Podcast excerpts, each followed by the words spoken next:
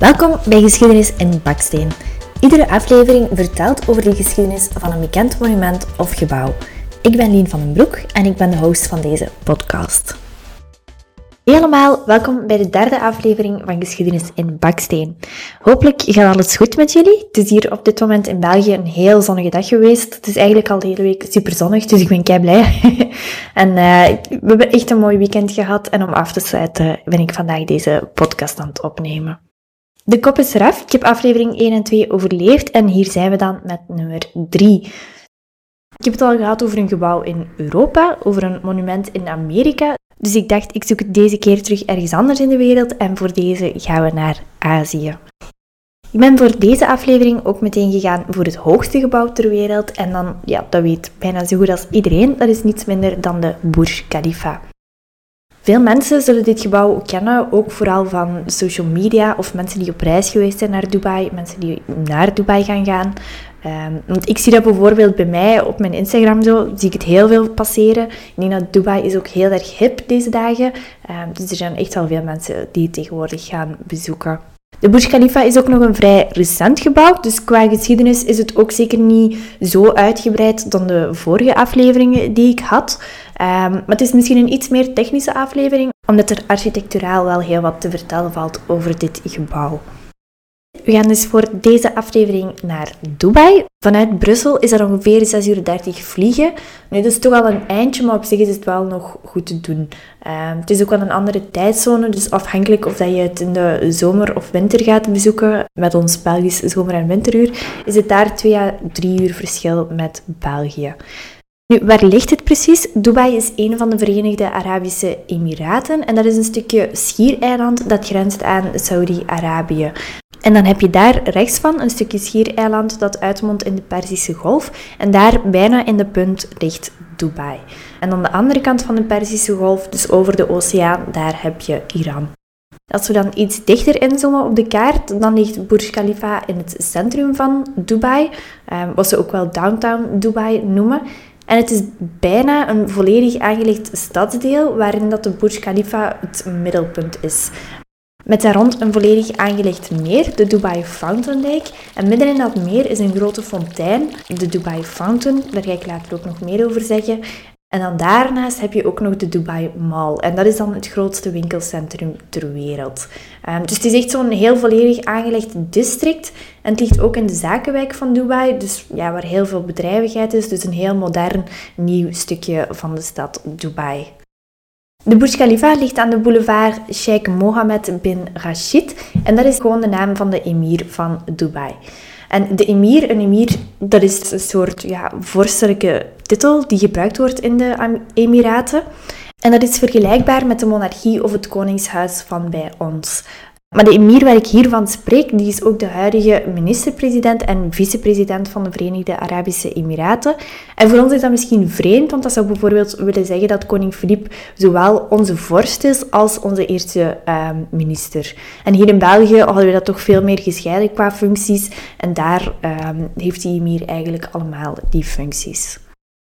Dus die straat is naar hem vernoemd. Je kan het op Google Maps ook allemaal eens mooi bekijken. Dus als je het eens wil zien, um, doe dat zeker eens. Het is echt wel een mooie omgeving met heel veel moderne gebouwen. Het is ook allemaal vrij nieuw um, en dat zie je er ook wel aan. Het is ook zeker niet zo dat de Burj Khalifa de enige wolkenkrabber is. Want als je kijkt naar de skyline van Dubai, staan er echt wel heel veel mooie en grote gebouwen. Um, en dat is ook wel waarvoor dat ze gekend zijn.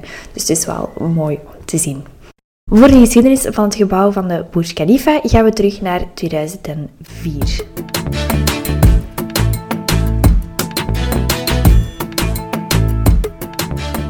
We zijn in 2004 voor het begin van dit verhaal, dus het is echt nog recent. Als je dat vergelijkt met andere historische um, gebouwen, is dat echt wel nog vrij nieuw. Ik heb het zelfs nog meegemaakt, toen was ik 12 jaar oud, dus voor mij lijkt dat echt wel dichtbij. Dus dat is nu zo'n 18 jaar geleden, um, dus dat is eigenlijk echt nog niet zo lang geleden.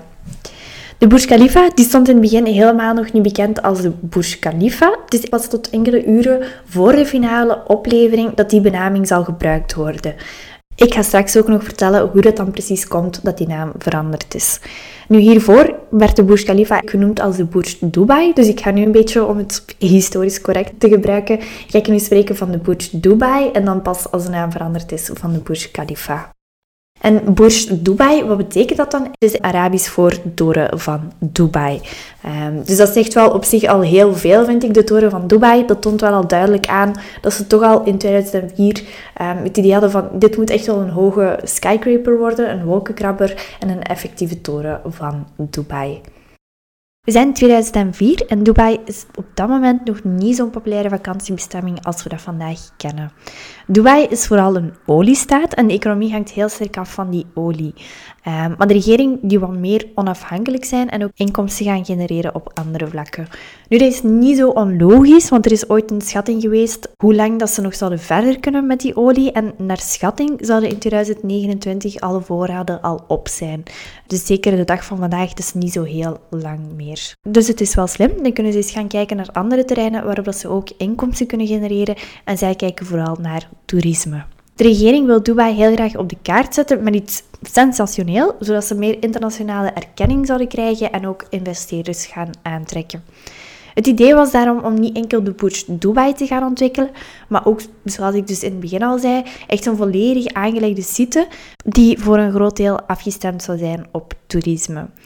Uh, dus wat waren ze van plan? In de oorspronkelijke plannen hadden ze voorzien om negen hotels te bouwen, drie hectare aangelegd park, 19 wolkenkrabbers en dan het winkelcentrum, dus het Dubai Mall, het grootste centrum ter wereld, en 12 hectare aangelegd meer. En dan moesten er ook nog eens 30.000 woningen voorzien worden, zodanig dat er meer huisvesting was in Dubai. En dan het paradepaardje van die hele city is de Burj Dubai. Je ziet, dus dat is zeker niet weinig om te ontwikkelen, dat is best wel veel. Maar Dubai heeft ook het geluk dat ze een oliestaat zijn en dus een heel rijke stad, waardoor ze die projecten kunnen ontwikkelen. Dus de plannen zijn er. En wat doet de staat Dubai? Ze gaan samenwerken met een projectontwikkelaar en dat is hier EMI Properties. Dus wat doet een projectontwikkelaar? Zij kopen die site of ze zijn eigenaar van die grond en dan gaan zij op zoek naar een architect om dan de plannen te maken voor de bouw en een aannemer om de bouw te gaan realiseren. De overheid geeft het hier een beetje uit handen in die EMAR Properties, die projectontwikkelaar. Nu, dat wil niet zeggen dat zeker de sheik, um, dat hij ook wel nauw betrokken zal zijn bij alle plannen en dat hij zeker wel zijn zegje heeft over alles wat er in Dubai komt. Maar het is wel effectief de projectontwikkelaar die dan gaat zoeken naar een architect of eerder een architectenkantoor om mee te gaan samenwerken. Hoe doen ze dat? Eigenlijk een beetje zoals de gebruikelijke gang voor heel grote bouwprojecten. Ze schrijven een wedstrijd uit waarbij de kantoren hun ideeën kunnen opsturen en daaruit gaan zij dan een selectie maken van met wie dat ze willen samenwerken. En het gaat vrij vlot. Na amper twee weken komen ze dan uit bij het kantoor van SOM. Dat is SOM. En dat is een Amerikaans bureau uit Chicago. En SOM, dat is een afkorting voor Skidmore, Owings en Merrill, genoemd naar de oprichters van dat kantoor. Nu, dat is ook geen gewoon kantoor, het is een kantoor in Chicago en zij hebben al een naam gemaakt over de hele wereld doordat zij al veel wolkenkrabbers hebben ontworpen. Zo zijn ze onder andere bekend van de Willis Tower in Chicago. En dat is echt wel een heel mooi gebouw dat ik ook graag eens zou brengen in deze podcast. En ze zijn onder andere ook bekend van de bouw van het John F. Kennedy International Airport in New York.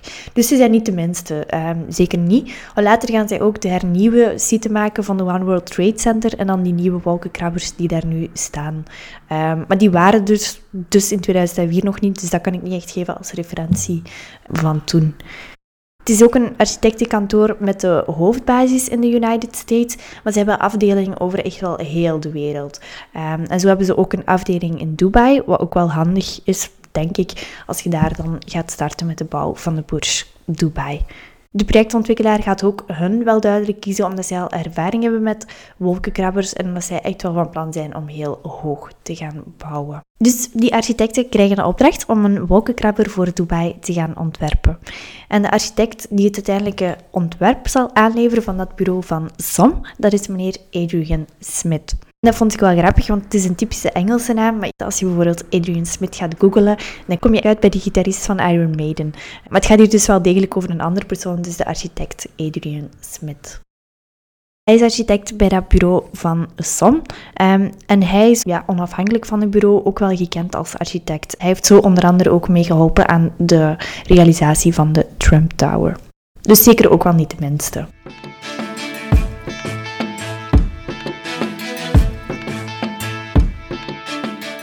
In een eerste ontwerp wordt een toren getekend van ongeveer 560 meter hoog, wat sowieso al een record zou zijn voor die tijd. Nu, over dat record we weten hier direct al van, ah ja, ze gaan super hoog met die constructie, dus willen ze wel dat record gaan breken. Maar dat was toen zeker nog niet breed gecommuniceerd. Ook niet vanuit Dubai of zo. Zeker omdat er een beetje angst was dat er toch nog een andere speler zou zijn die dat record meteen zou gaan verbreken eh, op de tijd dat het gebouw gebouwd zou worden. Dus het was heel geheimzinnig dat er toch wel over gedaan werd. En het is niet dat algemeen geweten werd dat toen uh, het hoogste gebouw ter wereld ging gebouwd worden. Maar het eerste ontwerp met de toren van 560 meter wordt toch niet goed genoeg bevonden en het bovenste deel werd volgens de architect niet elegant genoeg bevonden. Um, en dan Edwin Smith gaat eigenlijk vragen van ja, mag ik nog hoger gaan omdat hij andere ideeën had om uh, het gebouw te realiseren. En uiteindelijk krijgt hij daar ook toestemming voor. Dus hij verandert het bovenste deel en dan gaat hij de hoogte nog gaan vergroten. Dus de punt van het gebouw die zal langer en slanker worden. Adrian is een architect, maar hij gaat van in het begin van het project nauw gaan samenwerken met een ingenieur van zijn kantoor.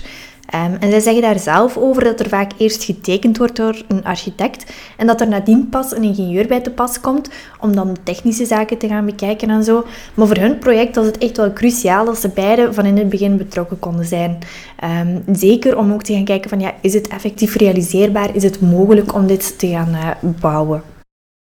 Probleem was ook dat ze voor dit gebouw geen enkel ander voorbeeld hebben waarop dat ze konden voortgaan. Want natuurlijk, het grootste gebouw ter wereld toen, dat was de Taipei in Taiwan. En dat had een hoogte van 508 meter. Maar natuurlijk, de Burj Dubai, die zou daar nog een paar honderd meter boven gaan. Um, dus het was geen sinecure om dat te gaan ontwerpen. Je hebt geen voorbeeld, dus eigenlijk is het een beetje ja, losgaan, om het zo te zeggen. En ook een beetje durven gokken. Um, en dan hopen dat het natuurlijk goed kan gaan. En een van de grootste uitdagingen voor de architect en de ingenieur is om het gewicht van het gebouw goed te verdelen over zo min mogelijk steunpunten. En wat gaan ze daarvoor gaan doen? Normaal gezien is het grondplan van een gebouw en vooral van hoge wolkenkrabbers redelijk vierkant getekend. En dan gaat het eigenlijk gewoon ja, recht naar boven, zoals we alle flatgebouwen kennen in New York. Maar doordat je dan dat patroon in een vierkant gaat tekenen, heb je heel veel belasting van je materiaal en heb je heel veel materiaal nodig. En om dan het gewicht van het gebouw te gaan beperken, gaan zij het grondplan anders tekenen en meer als een soort ster met drie benen. Dus eigenlijk de vorm van een drukletter Y. Als je je een drukletter Y inbeeldt, dat heeft zo drie benen, ehm, maar dan een beetje meer gelijk verdeeld over elkaar. Dus eigenlijk als een soort ja, ster met drie punten.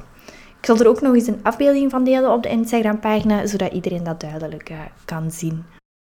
Dat is het verschil met andere hoge gebouwen, zoals de WTC-torens of de Empire State Building um, in die tijd. En die hadden een vierkant grondplan met veel gewicht op dan die kern eigenlijk, die middenkern en die buitenste delen. En nu wordt dat een beetje verspreid over drie zijvleugels, dus dan die drie benen waarop dat ze het gebouw gaan maken. Het midden van die drie benen is dan een centrale kern, dus dat is dan de spits en daarop moet dan de toren komen van de Burj Dubai. Een ander groot voordeel van deze vorm was dat ze veel minder staal en beton zullen nodig hebben dan wanneer het grondplan vierkanter was geweest. Dus het is veel dynamischer, het wordt veel lichter gebouwd en doordat de belasting verdeeld is, hebben ze veel minder materiaal nodig. Dat is natuurlijk wel voordelig, dat gaat de prijs natuurlijk ook een stukje wel drukken. De stijl van het gebouw dat wordt neofuturisme genoemd. En daarin zie je wel dat het niet kind is van de 21ste eeuw. Het is echt wel typisch de bouwstijl die toen heel nieuw was, heel modern, die daar ook wordt gebruikt. Ik vind het altijd grappig, omdat daar wordt het dan futurisme genoemd. Natuurlijk, dat was misschien tien jaar geleden zo, maar vandaag de dag zijn we toch al veel meer gewoon om dat type gebouwen te zien. Het is wel een leuke stijl, ik vind het heel mooi. Het is goed, de architect en de ingenieur hebben een plannen. Ze weten hoe het gebouw er gaat uitzien, maar dan moeten ze hun ontwerp nog technisch gaan testen. Het is een wolkenkrabber, dus zeker voor het hoogste gebouw ter wereld is dat super belangrijk dat alles goed gaat.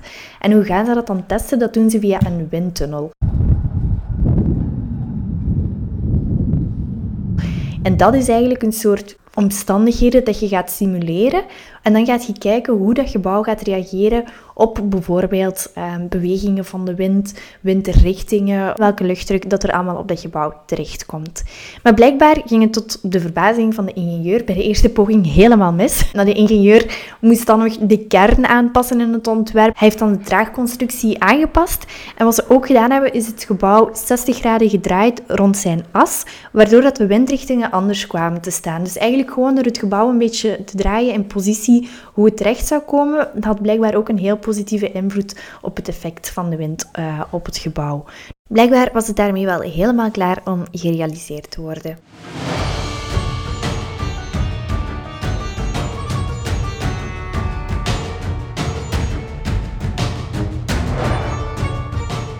In 2004 starten de werken hier en ze beginnen met de graafwerken. Dat is in januari 2004 en zelfs al een maand later, in februari, kunnen ze al meteen aan de slag met de fundering. En daarvoor gaan ze gebruik maken van Deep Foundation.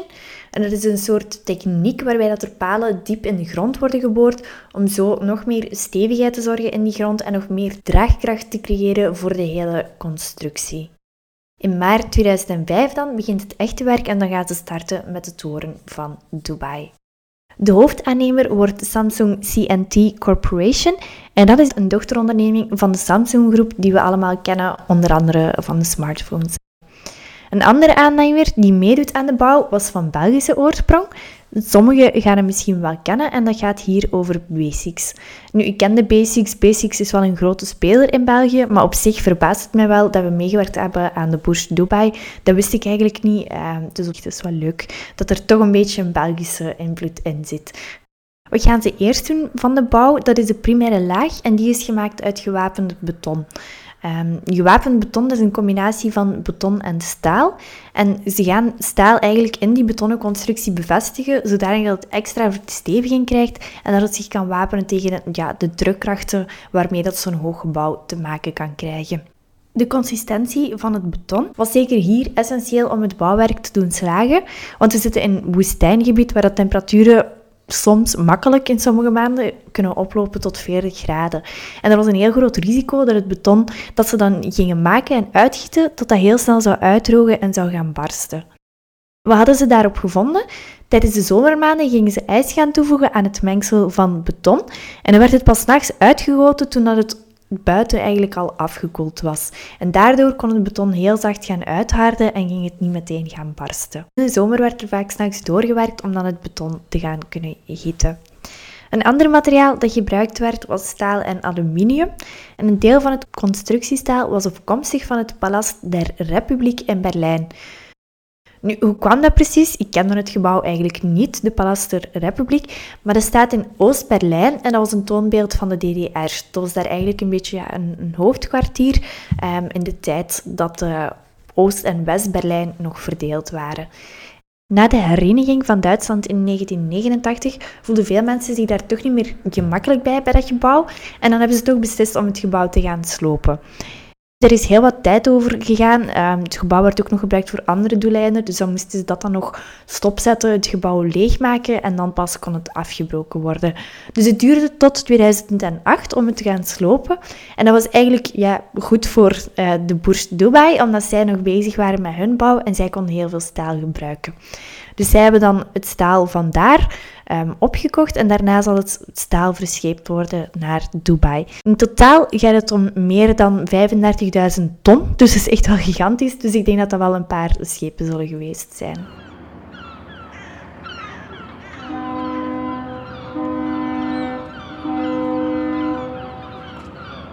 Dan komt het staal in Dubai. Er zijn zeker genoeg mensen om het daar op te vangen, want in 2008 waren er zo'n 7500 mensen aan het werk op de bouwplaats. Dus dat gaat niet enkel over arbeiders, maar dat zijn ook technici en veiligheidsmensen die daar aan het werk zijn. Er kwam wel veel kritiek op het gebruik van gastarbeiders, die voornamelijk uit Zuid-Azië en Oost-Azië kwamen, en meer bepaald uit uh, China, India, Pakistan en Bangladesh. En zij moesten daar vaak gaan werken voor heel lage lonen. En er was zelfs sprake van dwangarbeid, waarbij de paswoorden van arbeiders werden ingenomen, zodat ze niet konden gaan klagen over de omstandigheden of dat ze niet durfden en dat ze toch moesten blijven werken bij hun werkgever. Want anders waren ze natuurlijk ja, hun paspoort kwijt en dan konden ze ook uh, het land niet terug uit. Nu, de BBC en de Human Rights Watch die deden daar toen een onderzoek naar, naar die omstandigheden waarin dat die arbeiders werkten. En uit hun bevindingen weten we dat timmerlui die daar werkten, dat die omgerekend naar euro's, dat die maar 5,30 euro per dag verdienden. En gewone arbeiders was zelfs maar 3,40 euro per dag. Hè? Dus Allee, die kunnen wij ons echt wel niet, niet voorstellen. Dus echt wel erbarmelijk weinig. En zelfs nog meer dan dat bleek dat ze ook gehuisvestigd waren in slechte omstandigheden. En dat ze vooral heel lange dagen moesten werken. Um, dus het is zeker ook niet dat je zegt van ja, de omstandigheden zijn dan goed. Dat was het ook niet. Zij zijn ook eens gaan kijken naar de dodelijke slachtoffers die mogelijk ja, het gevolg zouden kunnen zijn van de bouwomstandigheden. Maar volgens officiële rapporten van de Verenigde Arabische Emiraten zou er slechts één arbeidsongeval geweest zijn met dodelijke afloop. Maar de Human Rights Watch die heeft daarop gereageerd en die zeggen van ja, de omstandigheden op die werkplek zijn gewoon heel slecht gedocumenteerd. Dus klopt dat of niet? Je kan je daar wel um, zeker wel vragen bij stellen. Zelfs de ongevallen buiten beschouwing gelaten, de arbeiders zijn daar zeker niet gesoigneerd en het ging er niet altijd even positief aan toe voor hun.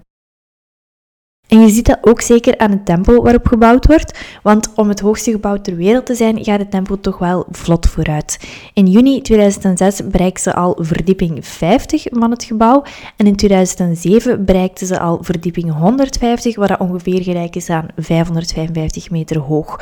Dus eigenlijk op een paar jaar tijd, het verhaal was begonnen in 2004, we zijn nu drie jaar later en hebben ze al 555 meter hoog gebouwd. Um, dus op zich is dat wel echt gigantisch en ook zeker qua snelheid vind ik dat wel echt uh, gek dat ze dat gerealiseerd hebben. Dat wil ook zeggen dat vanaf 2007 het gebouw dus officieel het hoogste gebouw ter wereld zal zijn en dan zitten ze zelfs nog niet aan hun eindpunt. Het is ook vanaf dan dat de, de sheik van Dubai niet meer wil communiceren hoe groot het gebouw echt gaat worden, omdat hij inderdaad, zoals ik in het begin zei, angst heeft voor die concurrentie, um, dat er toch nog andere spelers gaan zijn die hoger gaan bouwen, want zij willen wel heel graag toch die hoogste zijn.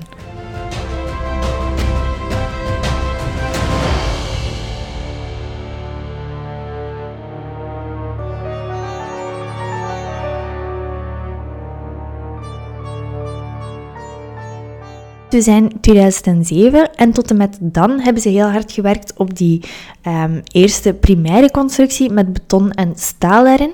En pas nadien gaan ze werken aan de bekleding van de buitenlaag. Nu, die buitenlaag is heel speciaal. Je ziet dat ook op foto's, dus wat het zo futuristisch en modern maakt. En dat komt omdat die helemaal bekleed is met glaspanelen. En die glaspanelen, waarmee dat de buitenlaag volledig bekleed is, die zijn zo gemaakt dat ze gaan reflecteren tegen de zon, dus die straffe woestijnzon um, die daar zit, en die ook wel temperatuurbestendig is. Dus dat is zeker heel belangrijk voor uh, een gebouw dat in Dubai staat. En het glas gaat ook een soort anti-verblindingsscherm krijgen, zodanig dat dat niet reflecteert of heel hard in je ogen kaatst um, als je daar gaat inkijken. Dus vanaf 2007 gaat het dan zo die heel moderne uh, look krijgen, zoals dat we het nu kennen. Ik heb trouwens ook een heel leuk 3D-filmpje gevonden op het internet, waarmee je heel duidelijk die evolutie kan zien van dat gebouw. Um, het zat ook misschien delen op het Instagram-kanaal, dus dan zie je mooi per datum waar dat zit qua bouwconstructie. Dus het is echt wel tof om zo eens te zien in 3D. En dan gaat het eigenlijk heel snel door naar 2008, met ook nog een verdere afwerking van die buitenlaag en dan nog een stukje de torenspits die voltooid moet worden. En in 2009 gaan ze dat dan ook effectief voltooien. In 2009 wordt eigenlijk de hele buitenkant afgewerkt. En dat wil dus ook zeggen dat ze meer gaan kunnen kijken wat ze gaan doen met het interieur van het gebouw. En het is in dat jaar dat de architecten het idee krijgen om het interieur te voorzien van meer dan duizend kunstwerken. Dus niet enkel schilderijen, maar ook beeldende kunst. Dat kunnen beeldhouwwerken zijn, dat kunnen constructies zijn, schilderijen, eigenlijk uh, een beetje een mengelmoes van, van, van alles. Dus zij doen een oproep en iedereen, want ze focussen zich heel internationaal, uh, kan een inzending insturen om dan mogelijk in de boers Dubai tentoongesteld te worden. Dus op zich wel heel leuk. Uh, ik vond dat wel een mooi gebaar, omdat ik vind alles rond kunst sowieso heel tof. En als je dan bepaalde mensen een platform kan geven, is dat toch wel een mooie kans om uh, een groter publiek te gaan bereiken. Veel kunstenaars zijn daar ook op ingegaan, zowel beginnende als meer ervaren kunstenaars. En als je online ook zoekt op foto's van het interieur, dan zie je dat ook wel. Um, zitten heel speciale dingen tussen, zitten heel toffe dingen tussen. Dus ik zal misschien ook kijken om dat te delen op uh, de Instagram-pagina. En wat weten we nog meer over het interieur? Nu, alles is vrij modern, zeker omdat er heel grote glaspartijen zijn, waardoor alles heel lichtrijk is en heel um, transparant.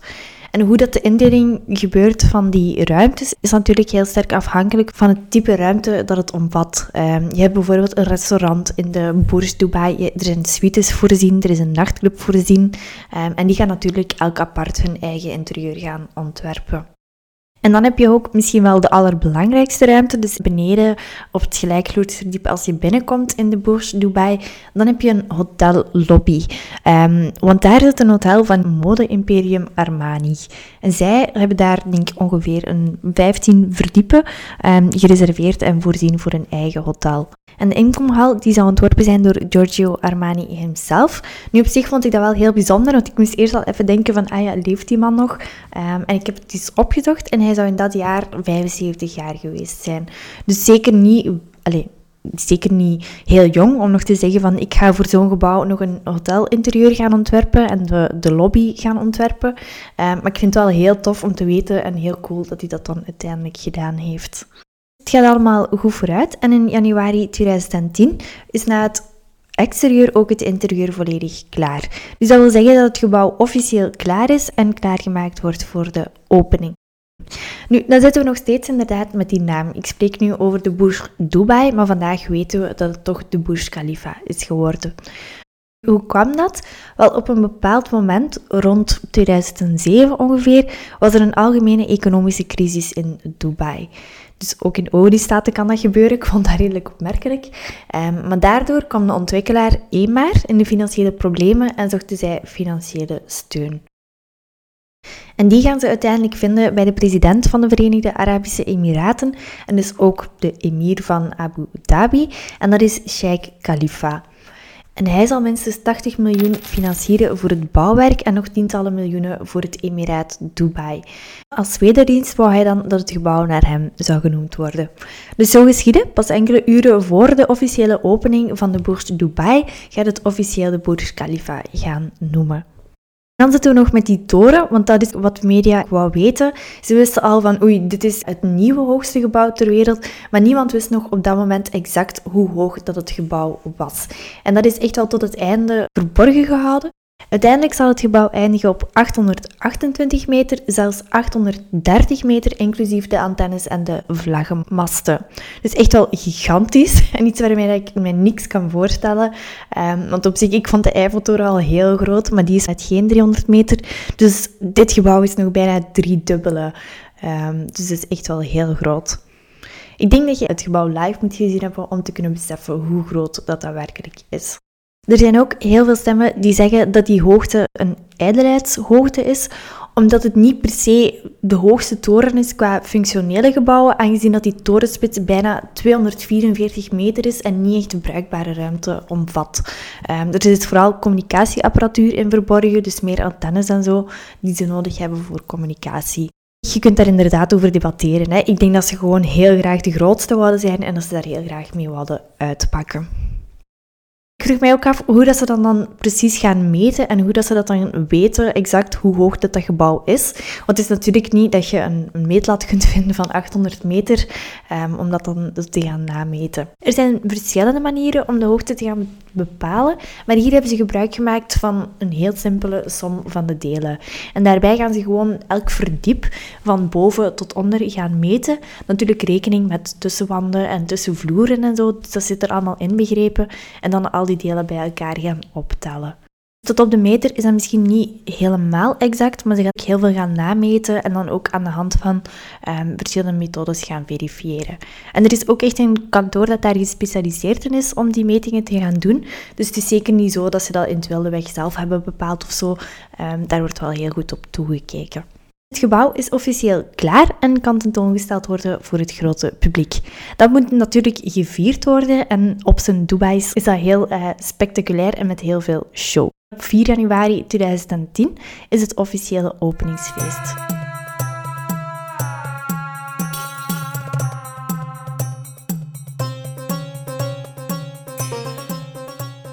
Dat gaat zeker niet zomaar voorbij, want er is heel veel pers op uitgenodigd en er zullen zo'n 100 mediakanalen van over de hele wereld verslag gaan uitbrengen over die live show. Ik ga ervan een klein stukje laten horen. Dat is een fragmentje dat ik gevonden heb op uh, YouTube. Ik kan spijtig genoeg geen muziekfragmenten of zo laten horen, omdat ik natuurlijk geen rechten heb uh, qua copyright. Maar toch een beetje een stukje van het vuurwerk en gewoon een deeltje, zodat jullie even uh, die sfeer kunnen opsnuiven.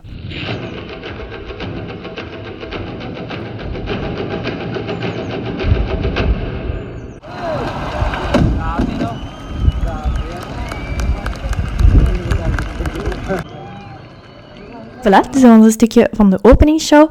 Nu, wat gebeurt daar allemaal? Je ziet een heel grote projectie op de Burj uh, Khalifa. En dat is een overzicht van hoe dat de bouw verlopen is. Dus ze tonen eigenlijk per jaar wat er allemaal gebouwd is en hoe dat, dat dan gegaan is.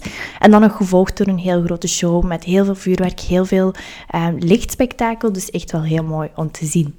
En dan heb je de sheik van Dubai, die heeft de show geopend. Die heeft zo op zijn heel grote lichtbak zijn hand gezet. En dan met een druk op die lichtbak ging zogezegd de show dan van start. Je ziet ook op de beelden daar, um, heel typisch voor ja, Dubai daar, allemaal die sheiks met een witte uh, gewaden die daar rondlopen en die daar dan uh, aan het kijken zijn naar de openingsshow. Na de officiële opening kan het gebouw dan eigenlijk zijn eerste bewoners ontvangen. Bij die officiële bewoners zit ook al een leuk celebrity koppel. Er moest er natuurlijk van komen. Het is al echt zo'n beetje place to be, waar dat denk ik ja, mensen met geld op afkomen. Uh, dus dat leek me wel vrij logisch dat er misschien ook wel bekende mensen zouden tussen zitten. Nu, ze wonen er niet echt, ze hebben het gewoon als eigendom. En dat zijn David Beckham en Victoria. Wie weet gaan ze er af en toe in de vakanties wel eens naartoe. Dus als je ooit naar Dubai reist, kom je ze misschien wel tegen in de buurt van de eh, Burj Khalifa. Het gebouw is af en er is eigenlijk wel heel wat om te ontdekken binnen het gebouw. Met zijn 163 verdiepingen is het ook het gebouw met het meeste aantal verdiepingen ter wereld en daarmee ook met de hoogste liftinstallatie ter wereld. En die liften die hebben een snelheid van 10 meter per seconde. Dus als je tot aan de laatste echte verdieping wilt, dan doe je daar maar één minuut over om helemaal boven te geraken. Dus ik vind dat eigenlijk niet zoveel. Ik vind het echt gek dat je op één minuut uh, eh, 555 meter naar boven kan. Dat is de officiële uitleg en zo zou het in werkelijkheid uh, moeten gaan. Ik heb een filmpje gezien van iemand op YouTube die dat dan gefilmd heeft en die dan beneden um, startte en dan gedurende heel de liftreis uh, zet hij zijn gsm aan en dan kon je zo de klok zien lopen en dan duurt het eigenlijk bijna twee minuten. Wat op zich ook echt niet, veel is. Het blijft zeker echt wel um, redelijk snel waarop je dan het bovenpunt kunt bereiken. Een leuk weetje daar ook in is dat het gebouw zo hoog is dat de zon drie minuten later ondergaat op de bovenste verdieping dan op de onderste. Dus eigenlijk wil dat zeggen, als je twee keer de zon wil zien ondergaan, dan kan je beneden de zon zien ondergaan, dan vlug de lift nemen, twee minuten later ben je boven en dan kan je daarboven nog eens de zon zien ondergaan. Dus zo hoog is het gebouw. En ze hebben ook niet enkel het hoogterecord verbroken, maar er zijn ook wel heel, heel wat andere records die verbroken zijn met dit gebouw. Een andere leuke om nog te vermelden zijn het hoogste restaurant ter wereld met de toepasselijke naam Atmosphere en de hoogste nachtclub ter wereld. Het gebouw is ook zo hoog dat de buitentemperatuur 6 graden kouder is op de bovenste verdieping dan aan de basis van het gebouw. En 6 graden, ik vond het eigenlijk best al vrij veel. Dus dat is echt wel iets... dan kan ik me toch wel beter inbeelden van... Ah ja, oké, dat is echt wel een serieuze afstand dat je aflegt. Ze hebben daar ook handig van gebruik gemaakt van het temperatuurverschil via een aircoolingsysteem. En dat systeem gaat de koudere lucht van boven gaan vangen en die gaan verspreiden over de rest van het gebouw. Natuurlijk, het kan soms 40 graden zijn in Dubai in de zomer, dus dat is zeker niet het enigste koelingssysteem dat ze gaan gebruiken, maar het is een deel van het aircoolingsysteem. Dus stel dat je het gebouw eens wilt gaan bezoeken. Het is misschien interessant dat ik gewoon even kort zeg wat je allemaal kan terugvinden. Kom binnen op het gelijkvloers in de lobby en dan zit je meteen in het uh, Armani Hotel in het interieur van Giorgio Armani. Daarna heb je een stukje mechanische ruimte en dan vanaf verdieping 19 zijn er residentiële suites. En die suites zullen blijkbaar al acht uur na de lancering allemaal zijn uitverkocht. Um, dus dat kan ik me wel goed voorstellen. Ik denk dat het redelijk uniek is om in dat gebouw te kunnen zitten. En dan daarboven heb je weer een stukje verdiepingen voor mechanisch gebruik. Dus je ziet dat dat wel op regelmatige basis uh, terugkomt. En dat is ook een stukje voor veiligheid, want om de 13 verdiepingen wordt er een ruimte voorzien waarin mensen kunnen vluchten in geval van brand. Dus er is wel aan de safety gedacht en daarom zijn er ook altijd zo die, die tussenverdiepingen. Dan heb je op verdieping 43, dus dat is al gigantisch. Dan heb je de, de Sky Lobby en heb je daar ook enkele zwembaden. Dan heb je daarboven ook nog kantoren, dus kantoren met echt een, een zot uit, uitzicht. Dan heb je nog daarboven het observatiedek, dus dat is waar toeristen naartoe kunnen gaan en dan een uh, zicht kunnen krijgen op de stad van Dubai. Dan heb je op verdieping 122 het Atmosphere Restaurant. Dus dat is het restaurant dat de hoogste gelegen is ter wereld. Daarboven heb je nog eens een sky lobby, nog eens een observatiedek, dan nog zakelijke suites. En dan daarboven heb je het laatste observatiedek op 555 meter. Dus dat observatiedek op die 555 meter, dat is het hoogste punt waar je kan geraken als uh, toerist. Maar op zich denk ik dat je daar wel al een heel zot zicht hebt. In totaal zijn er 57 liften, er zijn 8 roltrappen, wat ik op zich nog van meevallen. Het is een gewone trap en die heeft bijna 3000 treden. Nu nog een belangrijke vraag. Hoeveel heeft het gebouw eigenlijk gekost? En op zich is het niet zo heel veel. Um, qua dollars is het 1,5 biljoen, dus omgerekend is dat ongeveer 1,3 miljard euro. Dat is natuurlijk heel veel geld, maar het is daarmee zeker nog niet het duurste gebouw ter wereld. Um, natuurlijk, het is wel een heel hoog gebouw en, en, redelijk spectaculair, dus je zou er misschien iets meer van verwachten. Maar ik denk dat ze ook wel heel veel kunnen bespaard hebben als je bijvoorbeeld ziet, die lonen voor die arbeiders, is echt wel miniem. Het doel van het hele gebouw en de site er rond was om toerisme aan te wakkeren in de regio en dat is ook wel heel goed gelukt. Uh, vanaf 2018 is Dubai de vierde meest bezochte stad ter wereld en ook belangrijk, volgens Index blijkt dat toeristen in deze stad meer uitgeven dan ergens anders ter wereld, waar dan ook. En dat komt natuurlijk door al die winkelcentra die er zijn en doordat de prijzen misschien ook al wat hoger zijn dan we normaal gezien verwachten.